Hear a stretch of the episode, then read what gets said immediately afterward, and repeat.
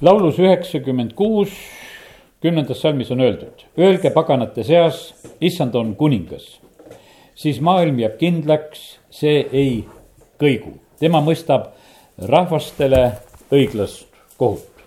lugedes siin Ezekieli raamatut ma nägin, et väga huvitav oli niimoodi, et kuningas Nebukadnetsar pidi sõdima väga paljudes kohtades, üks koht oli Tüüros. ja Türoses ta raiskas nagu väga palju jõudu ja, ja sellest, ütleme sellisest sõjalisest, ka sellisest võitlusest ei olnud tal eriti kasu. ja siis on edasi, seal on räägitud sellest, jumal ütleb, et aga Egiptuses sa saad tasu.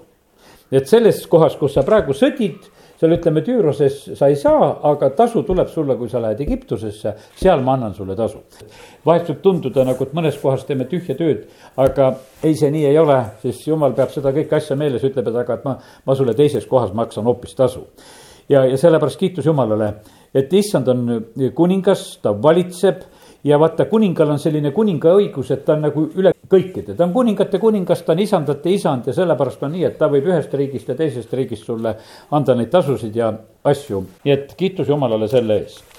aga see, kui me nüüd laulsime seda, et issand valitseb ja kui me nagu seda tunnistame, see on, see on palju rohkem tegelikult võib-olla, kui me esimesel hetkel nagu mõistame või arvame. sellepärast, et see, kui me tunnistame Jeesuse oma isandaks ja kuningaks ja valitsejaks. hiljuti me palusime ühe inimesega päästepalvet ja ütleme talle siis niimoodi, et, et no tunnista Jeesus oma isandaks. ja tead, siis on nii huvitav vaadata, et kas inimese suust tuleb see sõna välja, et ta ütleb, et Jeesus on minu isand ma tegin talle veel selgeks seda ka, et ütleme selle ühe S-iga isandat, et mitte, et mis mingisugune issand seal kuskil kõrgel ja kaugel, kellega sul palju pistmist ei ole, vaid et ta on see sinu isand, kes sinu elus valitseb, kellele sa oled valmis kuuletuma ja alistuma ja no nii, et ja ja see on, see tegelikult tähendab väga-väga palju. see tähendab väga just seda ka, et me saame endale väga hea valitseja, me saame endale väga targa valitseja. see on eriline tegelikult eesõigus, kui me võime omada endale sellist kuningat, nagu on meie issand Jeesus Kristus. ja, ja sellepärast kiitus Jumalale. nüüd selle asja näiteks ma järgmiseks toon esimese kuningate raamatust hoopis nüüd selle hetke, kui Saalomon siis kuulutatakse kuningaks. ja ma arvan, et, et seda lugu tasub täitsa nagu selliselt lugeda, sest et seal oli jälle teatud selline keeruline olukord. sest et nüüd Taaveti elus nagu teist korda juhtus selline lugu, kus ükskord oli ta poeg Absalom, kes tahtis kuningavõimu võtta ja, ja teinekord oli tema poeg Adonia, eh, kes tahtis samuti ennast ise kuningaks teha ja, ja korraldas ka seal asju, muretses endale vankreid ja ratsenikke ja lasi viiekümnel mehel enda ees joosta ja. ma ei jää selle Adonia eh, tegemiste juurde, ei pööra nagu sinna tähelepanu, aga täna vaatame nagu seda kui Taavetile anti teada seda, et jälle on selline asi nagu sündimas, Taavet hakkas seda asja korraldama, see on esimese kuningate siis esimesest peatükist, kus ma nüüd natukese loen kakskümmend üheksa salm, kus ma hakkan lugema. ja kuningas vandus ning ütles, nii tõesti, kui elab issand, kes mu hinge on igast hädast päästnud. nõnda nagu ma sulle olen vandunud issanda Iisraeli jumala juures ja öelnud, Saalomon, sinu poeg, saab pärast mind kuningaks ja istub minu asemel mu aujärjele, nõnda ma teengi täna. Selline huvitav hetk jõudis kätte, kus Taavet ütleb sedasi, et täna saab Saalomon, saab kuninga see sünnib kuidagi nii äkki, et noh, et ega ei ole ju sellist mingisugust pikka ettevalmistust ega vägevat tseremoonia korraldamist, et kuidas siis seda kuningat tuleb ametisse panna. ja, ja sellepärast on see nii, et ma ütlen, et meie ka, kui me need päästepalvet palume, me lihtsalt äh, teeme seda palvet ja siis nüüd ütleme, et nüüd tunnistame Jeesuse oma isandaks ja kuningaks ja ja lihtsalt räägime need sõnad välja, aga selle kaudu tegelikult need asjad nagu sünnivadki. ja olgu see siis Salomoni kuningaks saamine meile nagu selliseks kinnituseks, et, et need suured asjad võivad sündida vahest kuidagi väga lihtsalt. kolmkümmend üks salm ja sealt loen edasi. siis Patseba kummardas silmili maha, heitis kuninga ette ja ütles, mu isand, kuningas Taavet, elagu igavesti. Ja kuningas Taavet ütles, kutsuge mu juurde preester Saadok, prohvet Naatan ja Joojaja poeg Benaja. ja need tulid kuninga ette. ja kuningas ütles neile, võtke enestega kaasa oma isanda sulased ja pange mu poeg Saalomon minu muula selga ja viige ta alla Kihoni äärde. seal võitku preester Sadok ja prohvet Naatan ta Iisraeli kuningaks. Ja puhuge sarve ja ütelge, elagu kuningas Saalomon. tulge siis tema järel üles ja tema tulgu ning istugu mu aujärjele ja olgu minu asemel kuningas. mina olen käskinud teda olla Iisraeli ja Juuda vürstiks. siis kostis Benaja, Joojada poeg kuningale ja ütles, aamen. nõnda öelgu ka issand, mu isanda kuninga Jumal. Nõnda nagu issand on olnud mu isandaga kuningaga, nõnda olgu ta Saalomoniga ja ta tehku tema aujärg suuremaks, kui on mu isanda kuningas Taaveti aujärg siis läksid preester Sadok ja prohvet Naatan ja Benaja, Joojade poeg ning kreedid ja pleedid ja panid Saalomoni kuningas Taaveti muula selga ning viisid ta Kiihoni äärde. ja preester Sadok võttis telgist õlisarve ning võidis Saalomoni ning puhusid sarve ja kogu rahvas hüüdis, elagu kuningas Saalomon. ja kogu rahvas läks tema järel üles rahvas puhus vilet ja kõik olid väga rõõmsad. nõnda, et maa lõhkes nende kärast. aga Adonia ja kõik kutsutud, kes olid ta juures, kuulsid seda just siis, kui nad söömise olid lõpetanud ja kui e, Joab kuulis sarve häält, siis ta küsis, mispärast kostab linnast niisugune kära. Kui ta alles rääkis, vaata, siis tuli Joonatan, preester Ebeatari poeg ja Adonia ütles, tule sisse, sest sa oled tubli mees ja tood häid sõnumeid. aga Joonatan kostis ja ütles Adoniale, vastupidi. meie isand kuningas Taavet on tõstnud Saalomoni kuningaks.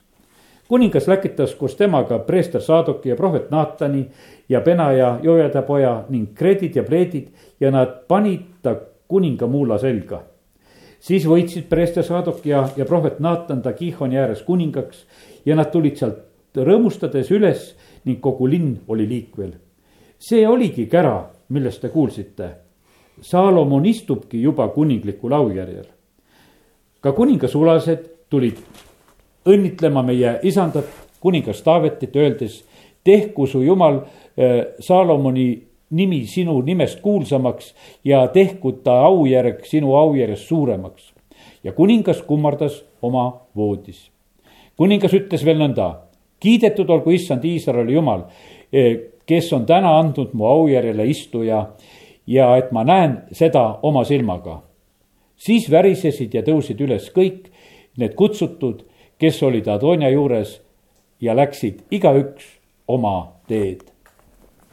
No siin maailmas on niimoodi, et, et ma noh, nii pisut olen nagu jälgimas neid sündmusi ka, mis toimuvad, ütleme, mis toimuvad Ameerikas või mis toimuvad ka Venemaal ja ja eks presidendivalimised seisavad seal ka varsti ees, olgugi et nad veel väga lähedal ei ole, aga vaata nende peale juba ammu-ammu nagu mõeldakse. ja, ja siis on niimoodi, et, et, et need asjad on nagu teatud määral on peidus.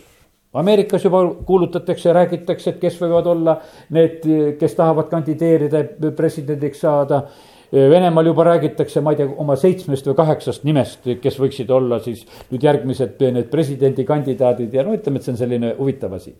ja, ja põhimõtteliselt eh, valitseb nagu selle ümber nagu selline teatud nagu vaikus ja saladus ka. ja mina ise mõtlen ka, et, et niikuinii kuningaks saab see kelle jumal valib. sellepärast, et see on niimoodi, et paljud võivad tahta, nagu need äh, Adoniad ja Absalomid ja kõik, kes omal ajal tahtsid, ega nad sellepärast seda ei saanud. ja, ja sellepärast on nii, et need asjad on niivõrd äh, jumala käes, et keda tema tõstab, keda tema laseb, äh, need saavad nendesse positsioonidesse. no vahest meile tundub sedasi, et jumal, miks sa ühe või teise lubad, sellepärast et meile tundub, et noh, mõni, mõni kuningas või president, et ta on nagu väga kehvakene, et, et ta on võib-olla nagu rahvale nuhtluseks. no ja eks ta seda olegi ja, sellepärast vahest on nii, et jumal tõesti ka nagu lausa karistab ka nende kehvade juhtide kaudu eh, ka siis neid riike ja rahvaid. sest et piiblist me loeme samamoodi, et kas olid naised valitsejad või poisid valitsejad või no ja see ei olnud mitte nagu mingisuguse nihukese no suure tunnustusega öeldud, vaid pigemini nagu sellepärast, et ei olnudki tegelikult ju päriselt kuningat võtta. ja, sellepärast said valitsema noh, ütleme sellised eh, suht juhuslikud inimesed kelles ei olnud nagu seda tarkust ja, ja seda, mida noh, ütleme üks juht nagu ka vajaks. ja nüüd on nii, et, et aga siin me nägime sedasi, et, et see kuningaks saamine et, et kui me nüüd selle loo läbi lugesime, et no see tundub küll, et see sündis kuidagi väga lihtsalt. Taavet on voodis, ta ei tule isegi voodist välja, et seda asja korraldada. siis on lõpuks, kui see on ära sündinud, siis öeldakse, et voodis kummardas et kummardas ka kuningat ja kiitis ka, ütles, et nüüd on asi korras, et nüüd on see asi tehtud. no lihtsalt võid nagu ette kujutada, seda keeras teist külge, ütled nüüd, nüüd on asi tehtud, nüüd on uus kuningas on olemas. ja, ja sellepärast on nii põnev on tegelikult lugeda, et vaata, kuidas vahest suured asjad sünnivad eh, nii lihtsalt, et ühtäkki sa märkad, et kuule, see ongi sündinud ja tehtud. ja teate, kui jumal on nende asjade taga siis nad, need asjad sünnivadki nii lihtsalt, et, et tagantjärgi vahest imestad, et no kuidas see oli võimalik. vahest võid mõelda sedasi, et ei tea, milliseks võitluseks või asi võib minna, aga me näeme sedasi, et, et sellel hetkel noh, kui, kui rahvas oli oma suu lahti teinud ja ütelnud, et Saalomon on kuningas ja, ja puhusid seal vilesid ja tulid. siis noh, muidugi sündis midagi üleloomulikku ka, mille peale ma olen alati mõelnud ja millest ma aru ei saa. sest et siin on niimoodi öeldud, et nõnda, et maa lõhkes. Nad olid väga rõõmsad, et nii, et maa lõhkes. ja see on eh, esimese peatüki see neljakümne salmi lõpp, et eh, see on minu jaoks sihuke eh, saladuse koht, et, et mida see tähendas, et vaata, kui, kui rahvas rõõmustas ja lihtsalt olid rõõmsad, et nendel on nüüd uus kuningas, siis me näeme sedasi, et, et maa isegi nagu reageeris, noh, ütleme sellises heas mõttes nagu sellele asjale ka. ja täna hommikul, kui olin issand ees, eh, siis issand ütles sedasi, et kui meie tuleme täna siia ja kui me tunnistame seda, et Jeesus on isand ja et Jeesus valitseb, et ta on kuningas, eh, siis sellel on tegelikult suur tähendus. sellel on suur tähendus meie maakonna jaoks just nagu sellises mõõdus ma täna sain, mitte ainult valla jaoks, vaid meie maakonna jaoks. Võrumaa jaoks on väga tähtis, kui meie oleme siin, kes me tunnistame, et, et issand on kuningas. ja, ja sellel on, sellel on tulemus, vaata sellepärast, et vaata neid sõnu tegelikult paneb ju, jumal tähele ja, ja tema ise tegelikult tuleb selle asja juurde. sellepärast, et issand tuleb igasse paika sinna, kus tema saab valitseda ja kui ta saab aru täna ja ega minul ei olnud kokku lepitud, et Aino valib täna sellised laulud, et kus issand siin valitseb ja mul oli see väga hea meel, sest ma teadsin, millest ma järgmine hetk rääkima hakkan. et siis ma nägin sedasi, et, et see oli juba niimoodi, et ka laulus anti seda meile ennem välja ütelda sedasi, et, et ta valitseb. ja, ja nüüd on niimoodi, et me oleme andnud selle volituse ja, ja, ja kui tore on siis mõelda, et kui, kui issand valitseb, siis ei ole valitsemas täna siin selles paigas meie tarkus siis ei ole siin äh, valitsemas need meie võimed ja asjad, mida meie suudame. siis on jumal valitsemas ja tema võimekus ja tema suurus on palju suurem ja las tema valitseb. ja sellepärast kiitus Jumalale, et äh, täna oleme meie saanud teha, võiks ütelda, ühe sellise prohvetliku teo, teo siin äh, selle uue aasta alguses Uue-Antsla rahvamajas. meie kuulutasime kuningat välja, et tema valitseb ja, ja see on tegelikult väga võimas sündmus. mis siis, et siin ei ole võib-olla praegusel hetkel palju tunnistajaid, kes selle Eh, sündmuse juures oleks. eelkõige on see vaimses maailmas praegusel hetkel ka just välja kuulutatud ja räägitud ja, ja olgu see nõnda, et issand valitseks meie kodudes, et ta valitseks meie kogudustes, ka see on tegelikult väga oluline, tähtis. et ta valitseks meie riikides, linnades, külades ja meie töökohtades.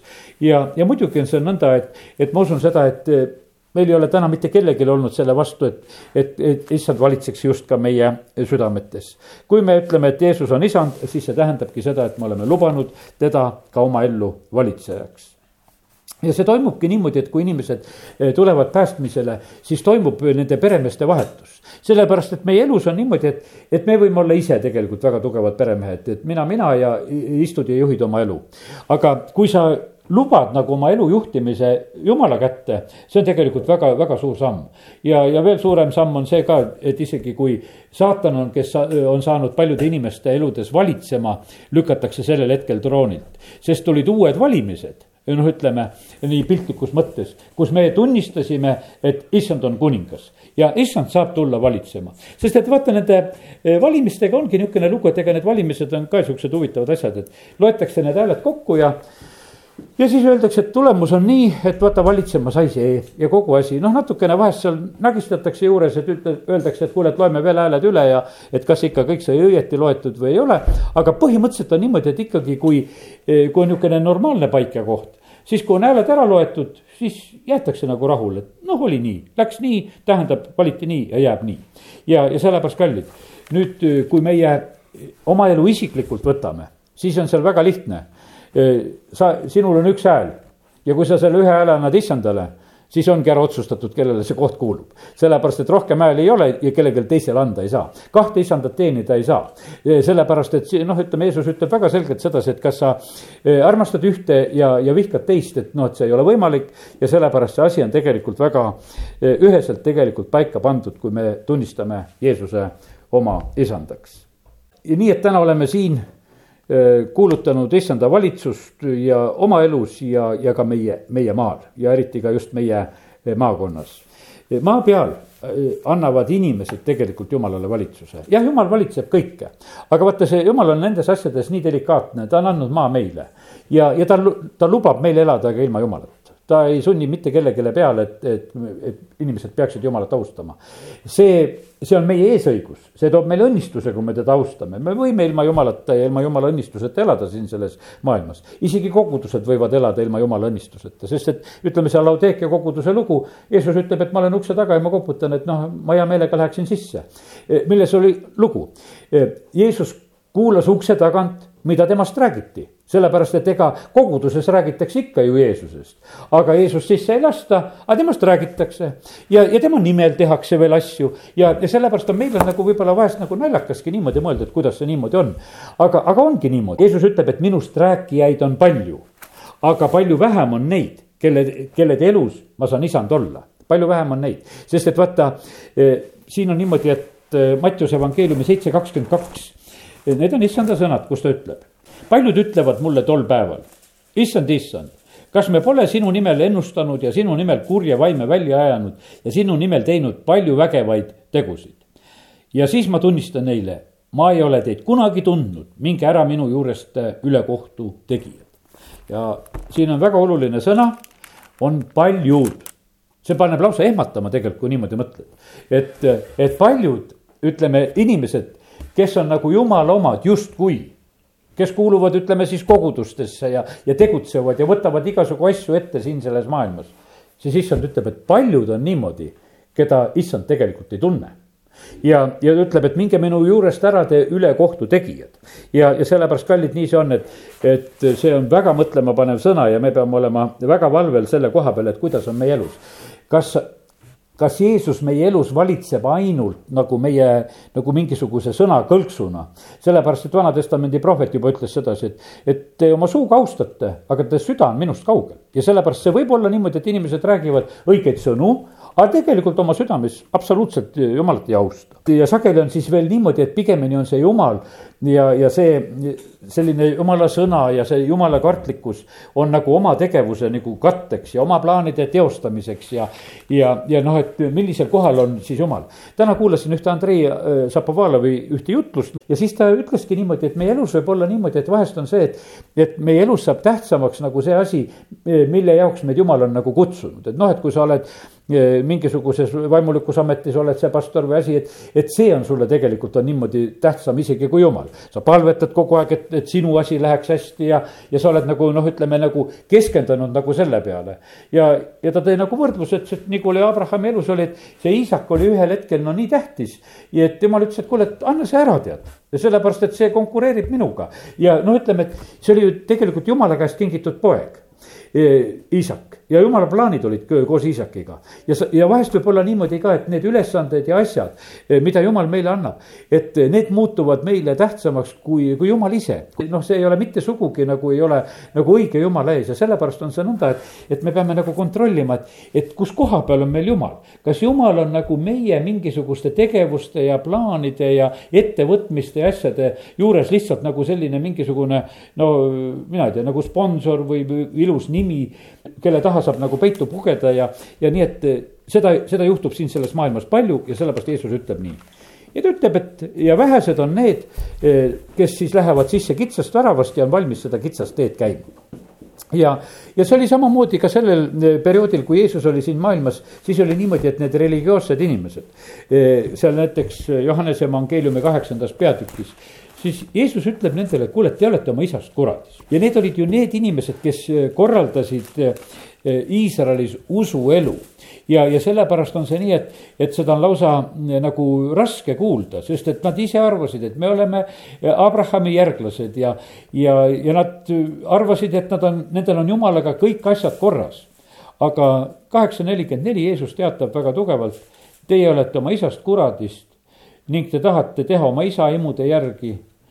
tema on mõrtsukas algusest peale, ta ei püsinud tões, sest temas ei ole tõde osad inimesed olid niivõrd eksinud nagu sellises olukorras, arvates, et nendega on jumala ees kõige paremini, olid nad tegelikult väga suures vales ja eksituses.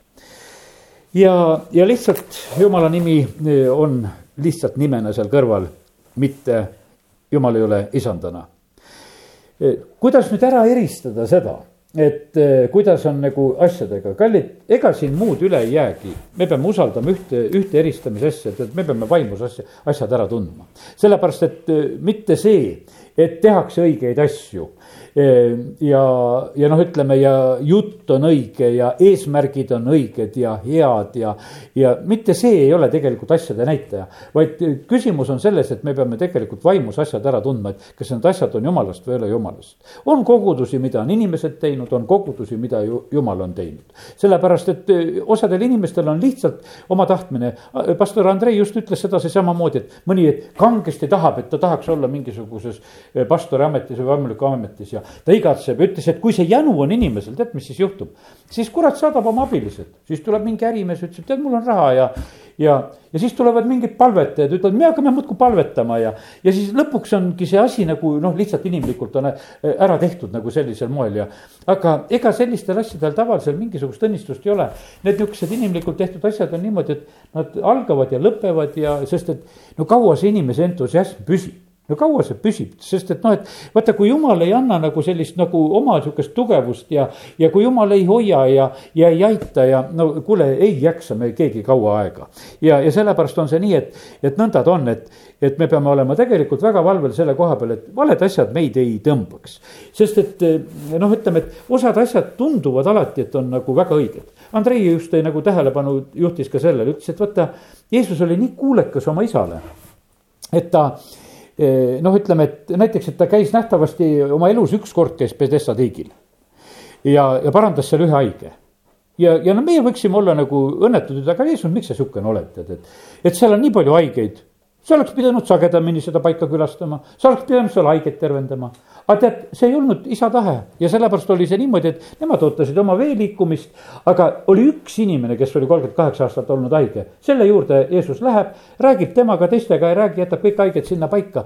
ja, ja sellepärast on see nii, et meie ütleme, noh, oma südamega ütleme sedasi, et ei, me peame sinna uh, ukse alla elama jäämagi, sellepärast et seal on palju haigeid ja me hakkame seal neid muudkui otsast tervendama. sellepärast, et see on jumala tahtmine, et me terved oleme ja me võime hakata seda asja, asja nagu sellisel moel nagu rääkima ja mõtlema. aga me näeme sedasi, et Jeesus oli väga kuulekas. teate, see issandale kuulekus on veel üks väga tähtis asi, esimest korda ma kuulsin nagu sellist mõtet täna ja jagan teile kohe seda ka, mida Andrei oma jutluses jagas, ta ütles, et vaata. Jeesuse kutsumus oli et ta tuleb ja e, sünnib siia sellesse maailma selleks, et ta on maailma päästja. et ta läheb ristile, ta sureb, et on jumala tall, ta peab ühe, ühesõnaga selle asja täite viima, mis oli jumala plaanides, et ta on selle maailma päästja. nüüd on niimoodi, Jeesus on tavaline juudi poiss, kasvab, on tubli, on sõnakuulelik, kuulab oma vanemate sõna. E, ta, ta meeldis Jumalale ta meeldis e, inimestele, on selliselt kasvamas ja elamas siin selles maailmas ja, ja nüüd on niimoodi, et, et ta õppis kuulekust kogu aeg. ta oli tulnud sellesse maailma, maailma päästjaks, ta teadis seda, aga tal tuli ükskord Ketsemani aias, korraks tuli see kahtlus, et kas mul tasub seda teha. ja nüüd on niimoodi, et ta ütleb isale, et kuule isa, kui on võimalik, ärme teeme seda, et ma sinna ristile surema lähen. ja ta oli valmis selle oma, ühesõnaga elu eesmärgi, miks ta siin, siia maailma oli üldse sündinud, kõrvale panema. aga isa ütles talle sedasi, et ei, et mina tahan, et see ikkagi sünniks. ja nüüd oli niimoodi, kuna ta kuulekus oli suurem kui e, tema selline, see, ütleme, see eesmärk, milleks tema maailmas oli, ta oli eelkõige, ma, kui sa saad sellest mõttest aru, mida ma praegu sulle ütelda tahan. ta oli jumalale kuulekam kui enda sellele eesmärgile, mida ta siin selles maailmas täitma pidi. selles ta võis kahelda. aga kui isa ütles sedasi, et, et sa pead minema, ja isa, ma kuulan ja, ja teen seda. ja sellepärast, kallid, see on nii tähtis, et meil oleks nagu noh, ütleme selline asi, et, et meil oleks issandale kuulekud, vaata, kui me jumalale oleme kuulekad, mis sellega juhtub, siis on jumal meie elus esikohal siis on jumal meie elus esikohal ja siis on niimoodi, kas me saame kõigist asjast aru või ei saa aru, aga me usaldame teda, olgu praegusel hetkel päris aru ei saa. aga issand, ma usaldan sind. Ja ma olen valmis äh, seda tegema, mida, mida sina ütled. ja siis me saamegi ütelda, et issand valitseb meie elus, sest et kui, kui me jumalale kuulekad ei ole, no kuidas me saame siis ütelda, et issand valitseb mu elus. issand ütleb ja me ei tee. Ja siis me ütleme, et sa oled meie isand ja valitseja, no ei ole no jumalal on läinud siin selles maailmas inimestega ühte kui teistmoodi. teate, mis Edenis juhtus? Edenis juhtus niimoodi, et issand kaotas sada protsenti oma kogudusest. seal oli kaks inimest ja mõlemad otsustasid, et me lahkume. et meil on niimoodi, et meil tuli parem peremees siin, et saatan ütles, et me saame ise kui jumalad ja jumal tuleb. aga kus kogudus on? mul on tore, et täna, et me oleme siin ikkagi, et pole üksi jäänud, aga jumal tuli Edenisse, mitte kedagi ei ole kõik olid peitu pugenud, sest et sada protsenti kogudusest otsustas, et me enam ei ole selle jumala järel käimas. sest seal tuli üks teine, kes sisises ja andis paremat nõu. ja teate, ega midagi ei olnudki teha. see kogudus lükati sealt Edenist välja ja siis läheb päris tükk aega tegelikult, võiks ütelda niimoodi, kui me hakkame nagu nägema. me näeme sedasi, et ütleme, kui piiblit loeme ja ma ei ole täna nagu uurinud, aga hommikul lihtsalt issand ees olles panen niimoodi kirja, et. ja siis tuleb ühel päeval tuleb Eenok kes kõnnib koos jumalaga. noh, Enokist piibel meile väga palju ei räägi, ütleme, et Enoki raamat eh, on ka olemas, seal on eh, rohkem neid eh, mõtteid, mida tema on kirja pannud ja tema kohta on räägitud. siis on varsti seal ühel hetkel on Noa, keda me piiblist leiame, kes on jumalale kuulekas. siis me leiame sealt varsti, et, et on Abraham kes tuleb jumala kutse peale oma kaldejuurist välja ja läheb sellele maale, mida jumal näitab siis on ühel hetkel on Mooses, no niimoodi me leiame neid ja neid on veel eh, kindlasti. ja, ja kiitus Jumalale, et tuleb ühel päeval tuleb nelipühapäev eh, ja on Jeruusalemmas seal kolm tuhat inimest, kes tunnistavad Jeesuse oma isandaks. ja, ja niimoodi tegelikult Jumal saab siin omale kohta ja paika läbi aegade siin selles maailmas. ja, ja kindlasti see, ütleme see, mis hakkas sündima nelipühapäevast, no see oli täitsa eriline, see, see tuli uus aeg, sellepärast et siis on ju sündis see, et jumal valas oma vaimu kõige liha peale välja. Ja, ja sellepärast see meeleparandus ja pöördumine, see on jätkuvalt tegelikult siin selles maailmas toimumas ja issand on südamete tundja, issand on südamete tundja. Eh, kas meie pöördume issanda poole kõigest südamest? issand on südamete tundja selle koha pealt, nii nagu eh, Mattiuse kaheksateist räägib, seal seda andestamise lugu, et on need sulased ja ühele antakse kõik andeks ja siis ta oma kaassulasele ei anna. ja, ja siis on öeldud, et vaata, meie andestus peab olema kogu südamest. Eh, meie jumala armastus peab olema kogu südamest ja vaata, see on nüüd küsimus, mida, mida jumal täiesti tegelikult nagu märkab ja näeb, et kas see niimoodi on või, või ei ole. ja sellepärast issand tahab, et meie armastaksime teda, ma teen lahti ka selle Markuse evangeeliumi eh, kaksteist peatükki ja, ja salmi kolmkümmend ja kolmkümmend kolm ja kuskilt sealt loeme. seal on üks eh, kirjatundja, kes on Jeesust kiusamas küsimusega, et milline on suurim käsk. kaksteist kakskümmend üheksa, Jeesus vastas, esimene on, kuule Iisrael, issand, meie jumal on ainus issand ja armasta issandat oma jumalat kogu oma südamega, kogu oma hingega, kogu oma mõistusega ja kogu oma jõuga. ja teine see, armasta oma ligemist nagu iseennast, mingit muud neist suuremat käsku ei ole. ja, sellepärast, kallid, siin issand vastab äh, väga selgelt ja ütlebki, et vaata, see on asi, mis peab tegelikult meis olema esikohal me peame kogu südamest pöörduma tema poole. mitte nii, nagu ma teen lahti ka selle Jesaja raamatu kakskümmend üheksa ja kolmteist ja issand ütleb. kuna see rahvas ligineb mulle suuga ja austab mind huultega, aga ta süda on minust kaugel. ja nende kartus minu ees on ainult päritud inimlik käsk. siis vaata, ma teen sellele rahvale veel imet, imelikul ja kummalisel viisil tema tarkade tarkus kaob ja tema arukate arukus peidetakse. ja vaata, see on nüüd selline, et, et osad inimesed elavadki tõesti sellist mingisugust vanemate usku, et mul on see mingisugune vanemate kirik ja ega ta ei tea, mis seal eriti tehakse ja ma ka austan seda jumalat ja noh, täitsa sihukene suvaline noh, ütleme jumala austus on. teatud kartused liginetakse nagu oma suu ja huultega. aga süda on kaugel, aga vaata, kuidas jumal reageerib sellise asja peale ta ütleb, et ma teen imet. aga ma teen sihukest imet, et tarkade tarkus kaob ja arukate arukus peidetakse jumal jätab tegelikult meid rumalasse olukorda, vaata kui, kuidas jumal tegelikult sellistele eh, asjadele nagu reageerib. ta läheb lihtsalt kaugele ära, ta ütleb, et kuule, mina sellise mänguga kaasas ei ole. ja, ja kallid, meie süda on tegelikult loodud eh, jumala armastamise jaoks. Ja, ja nii ta ongi, et ega näed, nii nagu Jeesus ütles, et kahte isandat me teenida ei saa, et kas armastame ühte või vihkame teist. teisiti see nagu ei ole võimalik ja, ja sellepärast on niimoodi, et eh, jumal väga tahab seda tegelikult näha. et meie oleme need, kes me armastame õiglust ja, ja vihkame ülekohut, sest et tegelikult need mõlemad tunded peavad olema meie südametes nagu ka oma, omal õigel, õigel kohal.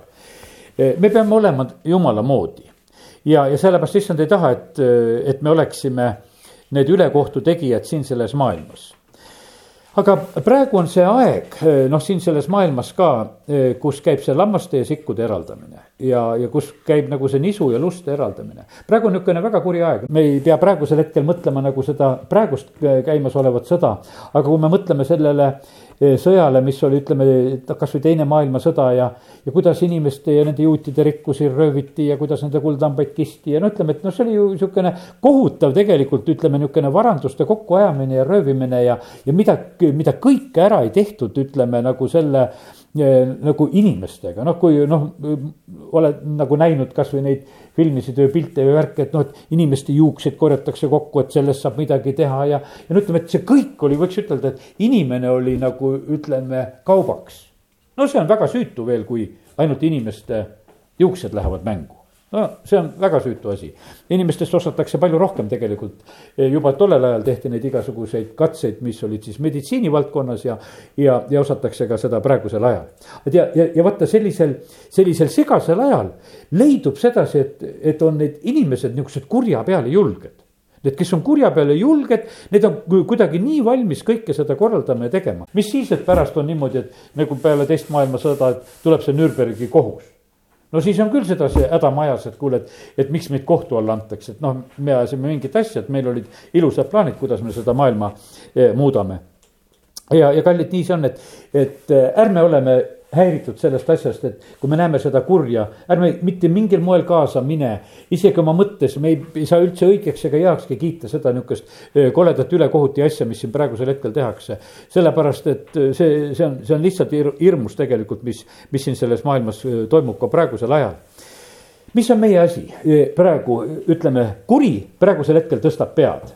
kuri on julgelt ülbe praegu, praegu selles maailmas Nad õigustavad ennast, nad küsivad abi, eh, nad hääletavad kõik asjad endale õigeks, nad on nagu selliselt pead tõstmas. meie asi on praegusel hetkel hoopis selles maailmas niimoodi, et, eh, et olla üsna alandlik issanda ees. teate, mis on, ütleme, õige asi? õige viljapea laseb oma pealongu, sellepärast et kui viljaterad on ilusasti küpsenud ja, ja viljapea on raske, siis ta on lookas allapoole. kui viljapuu on õunu täis, mis siis juhtub? Siis viljapuu kohta ütleme samamoodi, et oksad on lookas. sest et vaata, see valminud vili vajutab kõik allapoole ja maa poole.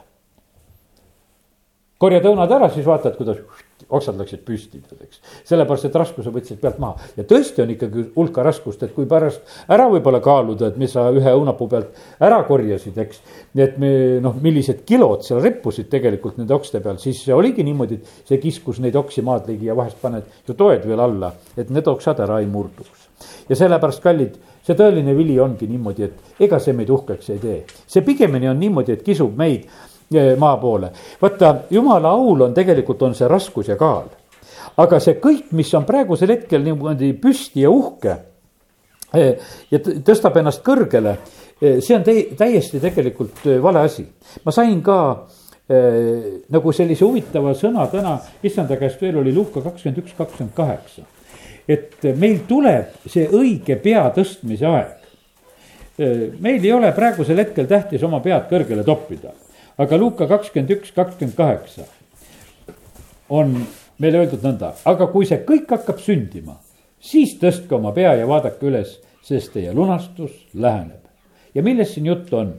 ja siis nad näevad inimese poega tulevat pilve sees väega ja suure auhiilgusega ja kallid vaata, kuidas jumala sõna ütleb sedasi, et, et meil on nagu õige hetk oma pead püsti ajada siis, kui me, issand tuleb ja sellepärast on see niimoodi, et meil võib olla niisugune kiusatus, et no see, mis me kogudusena teeme või mis me oleme või tahaks ka nagu natukese upitada, et kuule, et, et kuskil oleks meie nupukest näha või noh, et me oleme siin selles, selles maailmas olemas. aga täna just issand ütles, et teate, et praegu on üldse vale aeg oma nuppu välja ajada. ajad oma nupu ülesse, oled nagu suur saatana sihtmärk, mitte midagi muud. lihtsalt eh, pistad selle kuskile lihtsalt ette. sellepärast, et praegusel hetkel on niimoodi, et pigem on tark olla alandlik sellepärast, et jumal on ise see, kes praegusel hetkel võtab maha kõike seda, mis on kõrge. ja sajaraamatu teine peatükk ja loeme siit, kuidas, mis juhtub kõrgete asjadega. kaks üksteist. inimeste suurelised silmad alandatakse, meeste kõrkus painutatakse. jah, sel päeval on issand üksinda kõrge, sest vägede issandal on päev kõigi suureliste ja, ja kõrkide jaoks. kõigi jaoks, kes on kõrgele tõusnud, et neid alandada kõigi Liibanoni kõrgete ja uhkete seedrite jaoks, kõigi Paasani tammede jaoks, kõigi kõrgete mägede jaoks, kõigi kõrgemate küngaste jaoks, kõigi kõrgete tornide jaoks, kõigi tugevate müüride jaoks, kõigi Tarsise laevade jaoks, kõigi toredate laevade jaoks. siis painutatakse inimeste ülbus ja alandatakse meeste kõrkus. jah, sel päeval on issand üksinda kõrge ja, ja nii ta on, et äh, kui siin maailmas näed, et äh, vahest mõtled sedasi, et need, kes neid suuri pilvelõhkujaid, neid ülikõrgeid hooneid ehitavad ja. ma vaatasin, et äh, siin aastavahetuse ühte sellist videot, et kuidas Dubais lasti ilutulestikku, no seal on see üks hästi kõrge hoone, ma meetreid ei oska ütelda, aga. Nad lasid seal kuidagi külje peale neid asju ja noh, nad on nii kõrgel kõigest üle ja, ja noh, niisugune tead, et et eh, no ütleme, et mingisugune niisugune eriline tahtmine on sedasi kuskile nagu kõrgele tõusta. no ma usun sedasi, et eh, me täna, kes oleme, on teil tulnud pähe, et tahaks pilvelõhkut ehitama hakata? minul küll ei ole tulnud pähe, seda tundub sedasi päris hea maa peal elada. et, et ei, ei ole kuskil poole kilomeetri kõrgusel tead maa pealt üles ära roninud. aga ometigi me näeme sedasi, et inimestel on see tahtmine. ehitavad ja teevad neid tornisid ja värkisid no nähtavasti nad seda Jesaja raamatu teist peatükki ei ole lugenud. et nendel tornidel on üsna kehva saatus, et ühel hetkel lihtsalt kaovad ära need ja, ja need ei seisa ja sellepärast me näeme, et, et need linnad ja värgid praegusel hetkel ka, et küll nad, küll nad püüavad äh, kuskile kõrgustesse ronida ja, ja midagi nagu teha, aga see on tegelikult nii tühine siin selles maailmas. rumalad inimesed on need, kes tõusevad praegu kõrgele, need, kes äh, rikastuvad teiste hädade arvel. ja ahastus tuleb igale hingele, kes ülekohut teeb, esmalt juudile ja siis kreeklasele, nii nagu Paulus Rooma kirjas seda kirjutab. aga selles äh, segaduses on praegusel hetkel paljudel inimestel oma südametega võimalik kurja teha ja sellepärast on nii tähtis, et äh, me hoiaksime oma südameid äh, puhtaid, sellepärast et vaata, selline kuri ja uskmatu süda on tegelikult väga pime ja eksib siin selles maailmas ja arvabki, et, et võib igasugu valesid asju ka teha ja sellepärast issand ütleb, et teenige mind e, ja, ja olge üsna alandlikud ja oodake seda, kuni see õiguse päike tõuseb ja millal tuleb see hetk, kus on õige aeg teil ka pead tõsta. meie asi on praegusel hetkel hoopis nõnda, õpetuse sõnad kakskümmend kaheksa, kaksteist. kui õiged hõiskavad, siis on kõik suurepärane. aga kui õelad tõusevad, peavad inimesed peitu pugema ja kakskümmend kaheksa, kakskümmend kaheksa siinsamast. kui õeled tõusevad, poevad inimesed peitu. aga kui nad hukkuvad, rohkeneb õigete hulk. ja, ja sellepärast on see niimoodi, et ega me näeme, et, et ega praegu osad inimesed on eh, nagu noh, ütleme peitu pugemas ja põgenevad oma kodumaalt ja noh, on nagu sellistes olukordades. aga me näeme sedasi, et sõna ütleb sedasi, et ühel hetkel on nagu see möödas ja, ja siis jälle rohkeneb õiget hulk, sellepärast et, et eh, jumal ei jäta eh, neid kurjasid mitte kogu aeg niimoodi eh, tegutsema siin selles maailmas. ja, ja nii, et kiitus Jumalale, et me Jumala sõnast võime ühte-teist teada.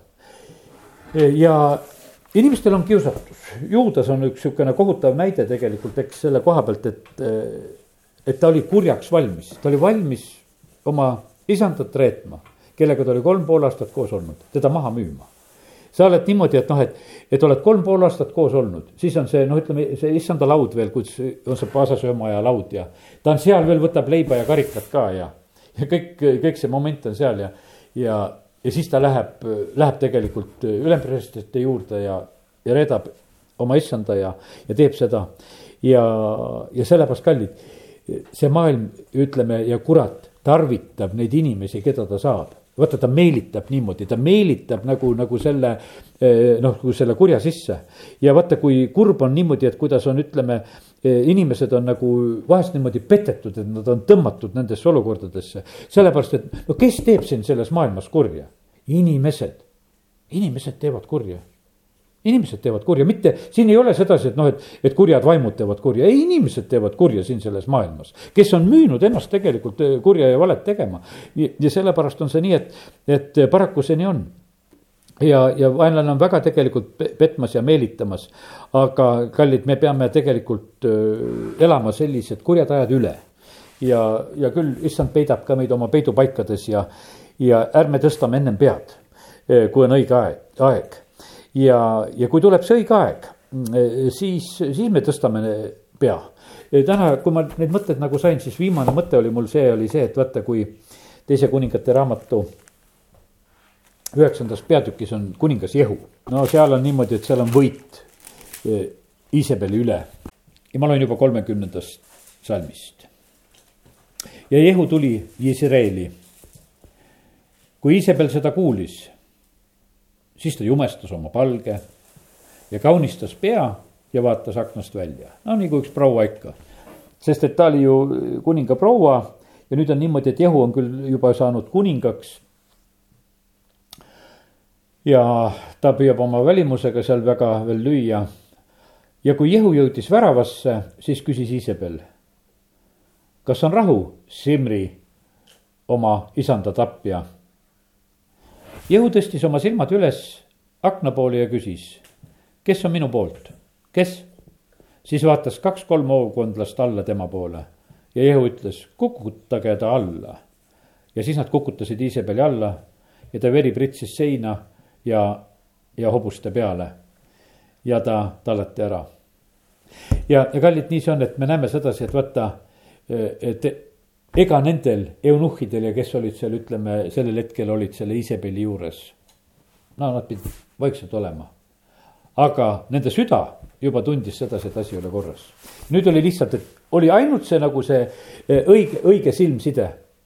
ja nemad olid valmis nagu siis oma, oma silmad pöörama siis selle uue kuninga ja Jehu peale. ja sellepärast kallid niimoodi, et me oleme täna tõstnud oma silmad alguses, me ütlesime, et Jeesus on kuningas. oleme tõstnud oma silmad tema peale meie Jeesus oli siin selles maailmas alandatud kuningas, sest ta suri seda alanduse surma, kandes kõike seda pattu ja asja. see maailm ei ole veel austatud Jeesust näinud. see alles tuleb ja vaata, ja siis on see hetk, kus meie tõstame oma pead. sest et täna ei ole meie issand veel austatud siin selles maailmas, jah taevas on ta troonil ja, ja see, ta on oma positsioonis ja kõik ja, ja mõni on saanud oma näge-, nägemust näha, nagu tänagi rääkisin, õde, kes hiljuti päästetud sai ja palus, et ma tahaksin seda Jeesust näha ja mõni saab seda, seda nagu näha. aga kallid, meil seisab see aeg, kus, mille sõna ütleb, et, et siis tõstke oma pead ja vaata, siis meil on õigus oma pea kõrgele lükata ja siis meie pead enam ei ohusta mitte kui miski. aamen.